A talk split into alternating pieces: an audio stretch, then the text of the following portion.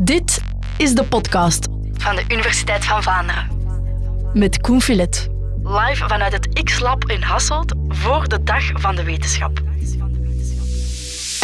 Ik weet niet wanneer u naar deze podcast luistert, maar we nemen hem op op de Dag van de Wetenschap in de Universiteit Hasselt. We zitten hier in uh, X-Lab in Hasselt. Ehm, en dat is van enig belang, want niet zo ver hier vandaan zal er mogelijk in de nabije toekomst een supertelescoop gebouwd worden, de Einstein-telescoop. En bij ons zit professor Alexander Séverin van de Vrije Universiteit Brussel. Professor Séverin, u bent theoretisch fysicus. En als het goed gaat, gaat u van die telescoop gebruik kunnen maken. Kan u ons uitleggen waar zo'n ding voor dient? Ja, dat dient om... Uh, dus de Einstein-telescoop is de volgende generatie van uh, zwaartekrachtsgolvendetectoren. Het is een beetje een misnomer, want telescoop, iedereen denkt naar sterrenkijken, Precies, lenzen. Uh, het heeft helemaal geen lenzen. ja, ik zeg het echt, het is een ongelukkig gekozen naam, de Ja. Einstein-telescoop, want het bekijkt iets helemaal anders. Geen elektromagnetische straling, zoals licht, of radiogolven, of x-stralen, of, zo, of gammastralen. Maar het bekijkt iets totaal anders. Het bekijkt ander soort golven, namelijk golven van tijd en ruimte zelf. Einstein in 1915 heeft zijn algemene relativiteitstheorie neergeschreven. En het was waar- als het ware een verklaring voor de zwaartekracht. En de zwaartekracht wordt veroorzaakt. Een massief object of een object met energie vervormt de tijd en de ruimte om haar heen. Als je denkt, je kunt in je hoofd een rubberlaken in je gedachten houden. Je legt daar een bowlingbal in. Die rubberlaken zal, er zal een dimpeling komen, die zal ingedeukt Ja, worden. ja. Die zal gekromd worden. Dus die oorspronkelijke vlakke geometrie zal een gekromde geometrie worden. Nu, als je daar een knikker in stuurt die, en je zendt die in de rechte baan, een rechte baan in die dimpel is geen rechte lijn meer, maar zal een cirkel zijn en zal beginnen cirkelen omheen die bowlingbal.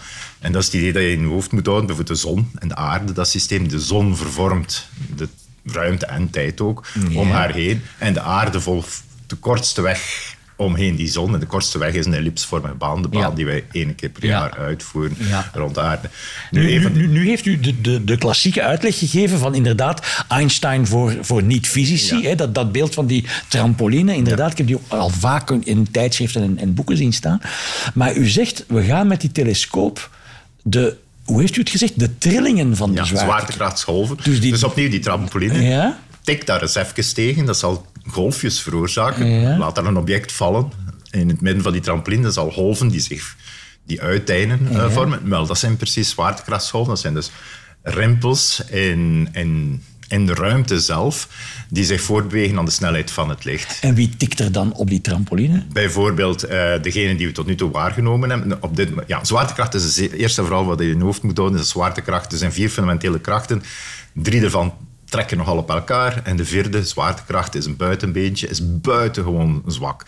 Om een idee te geven, zwaartekracht is ongeveer eh 1 met 40 nulletjes achter. is, eh, zwakker dan bijvoorbeeld elektromagnetische kracht. Dat is een beetje raar, ik heb het gevoel dat hier op aarde die zwaartekracht, dat dat nogal Ja, maar is. kijk, kijk, maar dat kun je heel makkelijk zien dat de zwaartekracht heel zwak is. Dus op aarde, een heel eenvoudig experiment is dat. Dus gewoon sta op de aarde en doe een klein sprongetje. Ah ja, Dus dat, je hebt dat geeft- overwonnen. Dat, dat Dus- geeft u voor, dat geeft u aan van hoe zwak de zwaartekracht is. Ah, ja. Want je hebt de aarde, dat is 10 tot de 21ste ton materie. Dus 1 met 21 Ja. nulletjes achter ton materie die u aan zit te trekken. U zelf bent 70, 80, 90 kilogram eh, chemisch fabriekje Ja.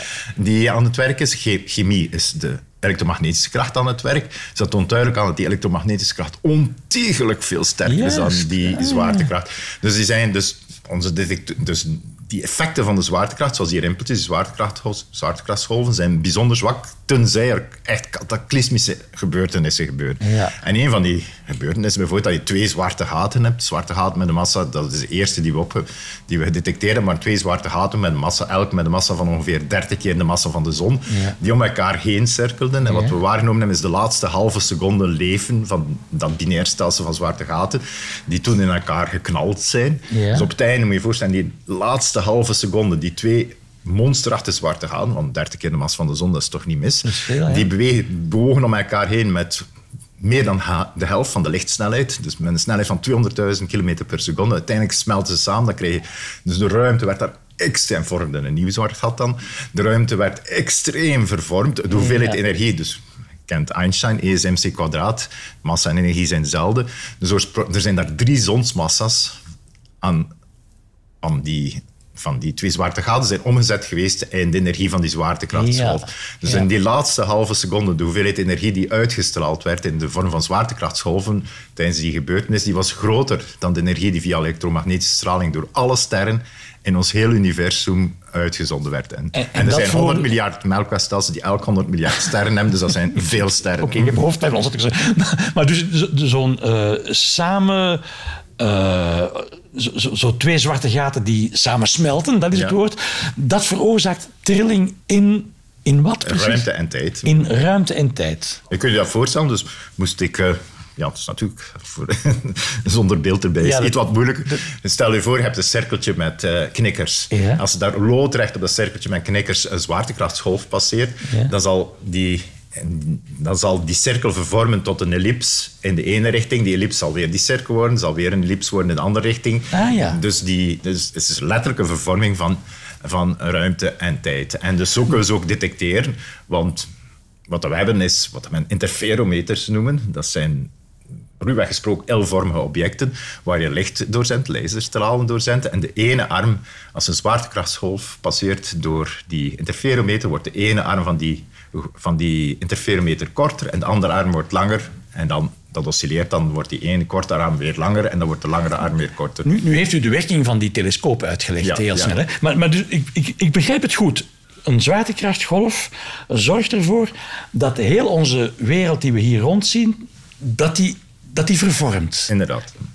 Eh, Minimaal vervormt, we, we, we merken daar niks van, maar vervormt. Inderdaad. En als je een heel groot voorwerp maakt, zoals die telescoop, kan je, kan je die vervorming wel waarnemen. Inderdaad, ja. Met hulp van... Ja, en die vervorming is dus ja, in de buurt van die twee zwarte gaten die samensmolten.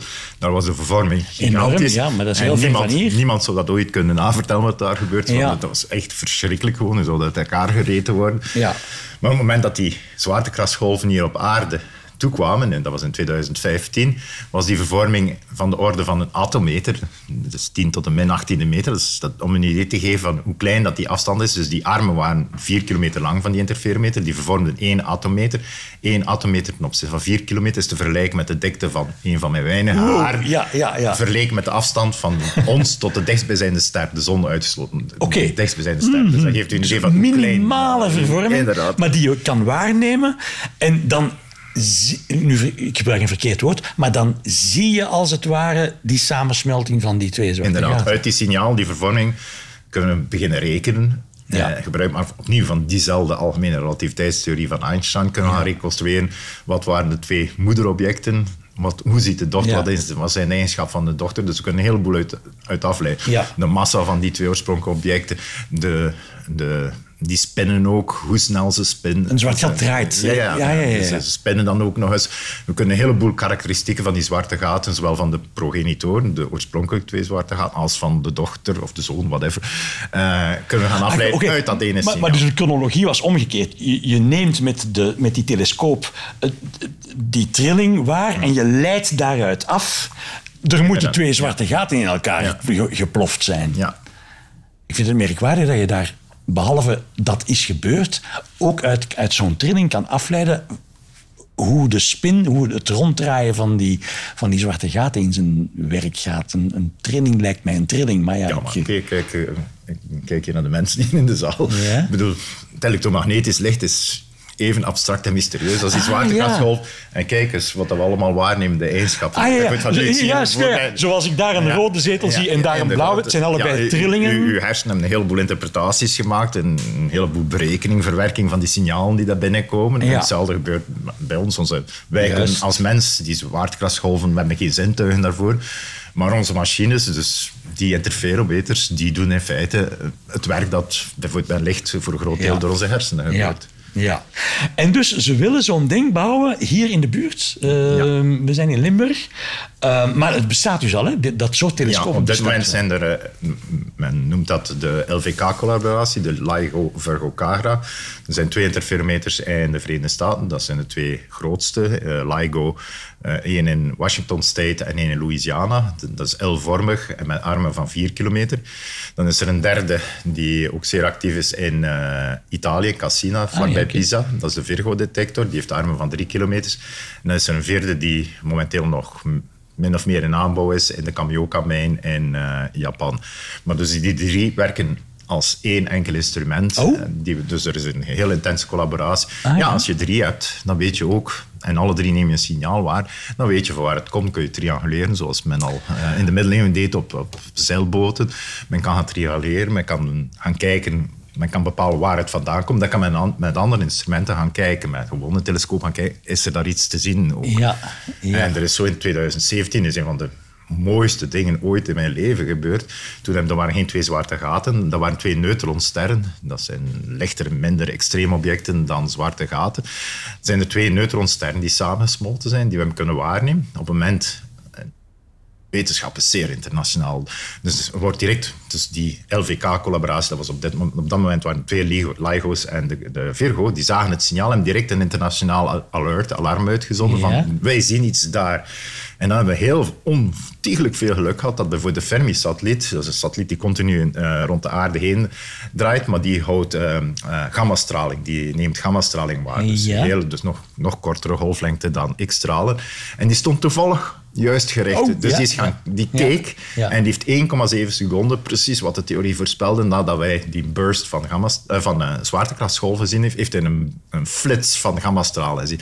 En later seconden, minuten, uren, dagen, weken later, is op dat moment waren zowat elke telescoop op aarde en in de ruimte was gefocust op dat punt en ze verder kunnen kijken wat er gebeurt. Op dat moment waren er lang geen zwaartekrachtsgolven niet meer, ah, maar allerlei andere elektromagnetische straling. Juist, En voor een van de mooiste dingen, en dat heeft, als fysicus je begint bijna te blijten als je dat zegt. Dat, dus, wat men, dus er was een hypothese dat zwaardere metalen oorspronkelijk bij de Big Bang wordt alleen helium, uh, waterstof en lithium geproduceerd.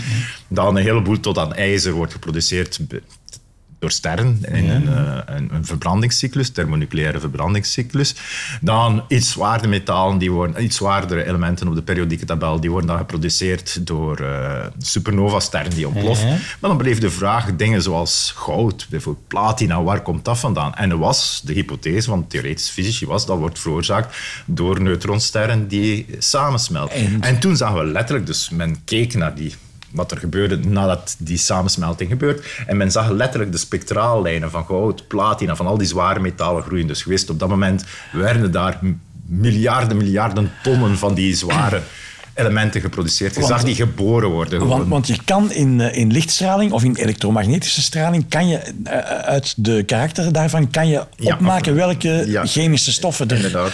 Uh, dus Ja, en men zag letterlijk die zware metalen geboren worden. En daar krijg je dus de tranen van in de ogen. Ja, dus denk eens aan een trouwring, die, dat goud is ontstaan toen twee neutronsterren tegen elkaar knalden. Dus dat maakt die trouwring plotseling al nog een stuk zwaarder ja. om dragen. Ja, maar ik probeer, ik probeer mij nu um, die, die bezigheden in zo'n, zo'n telescoop voor te stellen. Je ziet dan die trilling waar, dat, waar dat je van kan berekenen, dat zijn twee zwarte gaten. Um, is dat zoals een vijver, die, die golven die, die blijven zich herhalen en die botsen tegen de kant en die botsen terug. En kan je dagen daarna die, trilling, die trillingen nog zien? Of is dat echt een, een flits? Een, nee, die zijn... Een, die, die twee zwarte gaten die rond elkaar rond, ronddraaiden, dus dagen, jaren, millennia daarvoor waren die al zwaartekrachtsgolven aan het uitzenden. Ah, ja, ja, maar die waren veel te zwak om ooit te detecteren. Ah, het was op het laatste moment dat die zo extreem werd. Maar onze huidige, dat is de eerste, allee, tweede generatie, maar de eerste generatie die in staat is om ze te, te observeren, zwaartekrachtsgolven, die kunnen alleen zeer intense, wel intense, 1 atometer, dat is al bijzonder klein, maar die kunnen alleen zwaartekrachtsgolven komen van zeer intense ja, bron, die niet te ver van, alleen niet te ver op zijn sterrenkunde, zou we zeggen, een paar miljard lichtjaar van hier, dat is het verste dat we kunnen krijgen. Kijk. En dat is een zeer recente wetenschap, geloof ik, hè? Was niet... 2015 is het begonnen. En Nobelprijs meteen. In 2017. Ja. ja. en we zijn dus nu uh, uh, acht jaar verder. Um, deze telescoop die wellicht in Limburg wordt gebouwd, wat is daar het belang van? Kunnen we dan gewoon verder kijken of minder sterke golven detecteren? Hoe moet ik dat Nou, inzien? wellicht in Limburg wil je eens een kanttekening bij maken. Ja, we zijn met twee kandidaten. Er is eh, Sardinië in Italië en er is het Drielandenpunt. We noemen dat de, Maas, de Maas-Rijn. Daar straks zeker nog over hebben. Ja, ja, ja. Eh, maar dus, eh, de, dus met de huidige generatie, dus de tweede generatie, eh zwaartekrachtsgolvendetectoren, zij kunnen die dingen doen hun werk, maar zijn beperkt. Zoals ik daarnet zei, we kunnen niet te ver kijken. Een paar miljard lichtjaar ver kunnen we kijken. Eh, ja, dat is niet, niet ver. Het, het zichtbaar universum is 40 miljard eh, eh, lichtjaar.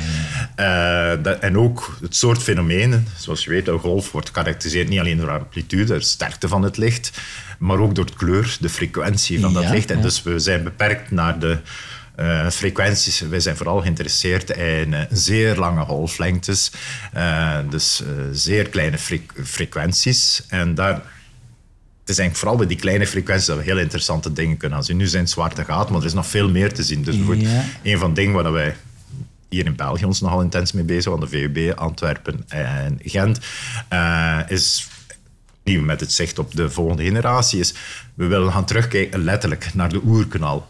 En dus heel veel gebeurtenissen die kort na de eh oerkanaal plaats hadden, die kunnen we gewoon niet zien via elektromagnetische straling, want heelal is pas transparant geworden 370.000 jaar na de Big Bang. En transparant betekent, er was pas licht Ja.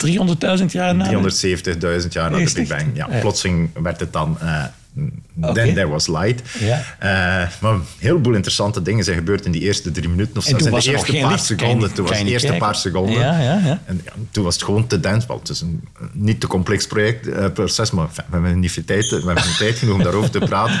Maar de zwaartekrachtsgolf, het heelal was transparant voor de zwaartekrachtsgolven. Die waren in feite wel. vanaf het begin. Ja, was het, eh, een goede benadering vanaf het begin was transparant.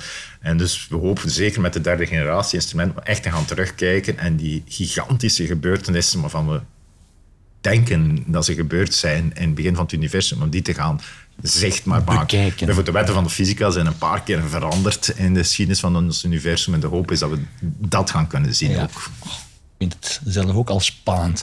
Ehm, ja, dus inderdaad, Corsica of Limburg. Nee, Sardinië. S- Sardinië, ik was bijna juist. Sardinië of Limburg. Eh, waar hangt het vanaf? Waar die, waar, waar die, Eh, is dat politiek of heeft dat met bodemgesteldheid Ja, te in maken? eerste instantie natuurlijk wordt dus, het wordt dus in 2026 beslist. Dus op dit moment zijn beide kampen, als ik het zo mag Ja. noemen, volop bezig met wat men een bidboek noemt opstellen. Dus men maakt, dus bijvoorbeeld hier in, in onze regio, de Maas-Rijn-regio, dus dat is Drielandenpunt, België, Nederland, eh, Duitsland, brengen we de ondergrond volledig in kaart. Dus we zijn overal gaten aan het maken, daar, eh, doorputten. Dat hebben we nog niet gezegd. Die telescoop komt ondergronds. Ja, ja, die komt onder de grond, ja, een paar honderd meter onder Ja. de grond. Dus we zijn overal gaten aan het maken, dus om een goede inzicht te hebben in de geologie. Ondertussen gebeuren ook allerlei dingen. Bijvoorbeeld, we hebben een mortuarium in beide sites op eh, windmolens. Want men was van plan eh, in Dalem, aan de Waalse kant, u heeft daar misschien niets van gehoord, er was een rel tussen Vlaanderen en Wallonië, omdat ze in Wallonië vlak aan de Nederlandse en de Vlaamse grens eh, een gigantisch windmolenpark gingen plaatsen. Voor ons was dat natuurlijk een catastrofe, want die windmolens veroorzaken veel trilling. Uiteindelijk is dat op de lange baan geschoven. Dus er is een internationale overeenkomst nu tussen de drie betrokken landen. We bouwen, voor zolang er geen beslissing genomen is over de locatie, bouwen geen windmolens meer Dus in die, die, streek. die telescoop, als hij er komt, is hij zo gevoelig dat een windmolen de berekeningen om zeep kan helpen. een Of, koe die een wind laat kan gemeten worden. maar dan kunnen we hier... eh, Maar dat kunnen we eruit halen wel. ah ja, ja, je kan het eruit Je kan een filteren. heleboel signaal, eh, ruis... Maar je moet dus een plek vinden waar geen snelwegen en geen treinen zijn en waar geen luchthaven. rustig mogelijk is. En, Limburg. En Limburg, wel die ondergrond, wel, er is meer dan dat alleen. Eerst en vooral, je hebt heel diep dan, onder een paar honderd meter onder de grond, heb je een, een granieten eh, slab, een, Een laag, een laag die daar zit, die dus zeer stabiel is. En daarboven heb je een paar honderd meter zo turfgrond, die hier eh, zeer endemisch is en die onvoorstelbaar goed is in het tempen van, Ah, van ja. wat we noemen Newtonian ruis, noemen, Newtonian noise. Dat we zeggen, al het lawaai dat wij maken, essentieel. een, een koe die een scheet laat, dat Ja, is Newtonian ruis. dat is. Newtonian. Dat klinkt al een stuk geciviliseerd. Ja. en dus, Eh, en er is niet alleen dat, de, de, lo- dus geologisch is het hier zeer goed, Ja. maar hetzelfde geldt ook voor Sardinië. Ja. Maar wat we dan weer voor op Sardinië hebben, Sardinië, nou, ik kent dat als vakantieoord. En in de zomer is dat bijvoorbeeld makkelijk te bereiken. Er zijn veel charters. In de winter probeer maar eens naar Sardinië te gaan. Uh, Er zijn geen charters, niet alleen een reguliere lijn, vluchten over Milaan of over Rome. En is wel geïsoleerd, Sardinië. Terwijl hier zitten we letterlijk, als je een cirkel trekt met een straal van 80 kilometer of 90 kilometer omheen, het drielandenpunt, Ja. nou, dan heb je zo uit el- elke relevante universiteit van België en Nederland, verschillende topuniversiteiten uit Duitsland, Ja. een heleboel onderzoeksinstellingen heb je daar zitten, gigantisch veel relevante industrie zitten daar ook. Nu bent u het bidboek aan het voorlezen. Eh, nee, maar... nee, qua, dus, dus, qua locatie is het, is, is het Ja. eigenlijk ideaal, om, gewoon omdat je alle technologie die nodig is, is hier wel ergens in de buurt te vinden. Ja, genereert zo'n, zo'n, de, de aanwezigheid van zo'n telescoop, genereert dat andere activiteiten? Voor, Oh ja, ja, dat zal, ik denk voor de streek, dus drielandenpunt, zal dat een revolutie zijn. Als je terugdenkt aan, aan CERN bijvoorbeeld, in, in Genève. Genève, ja. In 1950, de streek tussen Genève en de Jura, waar dat nu CERN zit, dat was een van de armste streken van zowel Zwitserland als, als Frankrijk. Er was daar niks, alleen niks. Er waren daar weiden en koeien, maar dat was het ongeveer. Nu is dat een van de rijkste streken van eh, Frankrijk en Zwitserland geworden met een gigantische concentratie aan hoogtechnologische industrie. Dat, zit, dat werkt als een magneet op, op high-tech eh, bedrijven, zoiets. Dus het is gegarandeerd dat waar het ook komt, die streek zal voorgoed veranderen. Zal, zal het feit dat je daar een paar duizend PhD's, doctor, doctoraten hebt die daar werken, dat, dat trekt gewoon eh, eh, hoogtechnologische bedrijven aan. Oké. Professor Saint-Vrij, ik ehm, support er met u mee dat die Einstein-telescoop, want zo gaat die heten, Ja. hier op het eh, drielandenpunt terechtkomt. Bedankt voor de uitleg. Met veel plezier.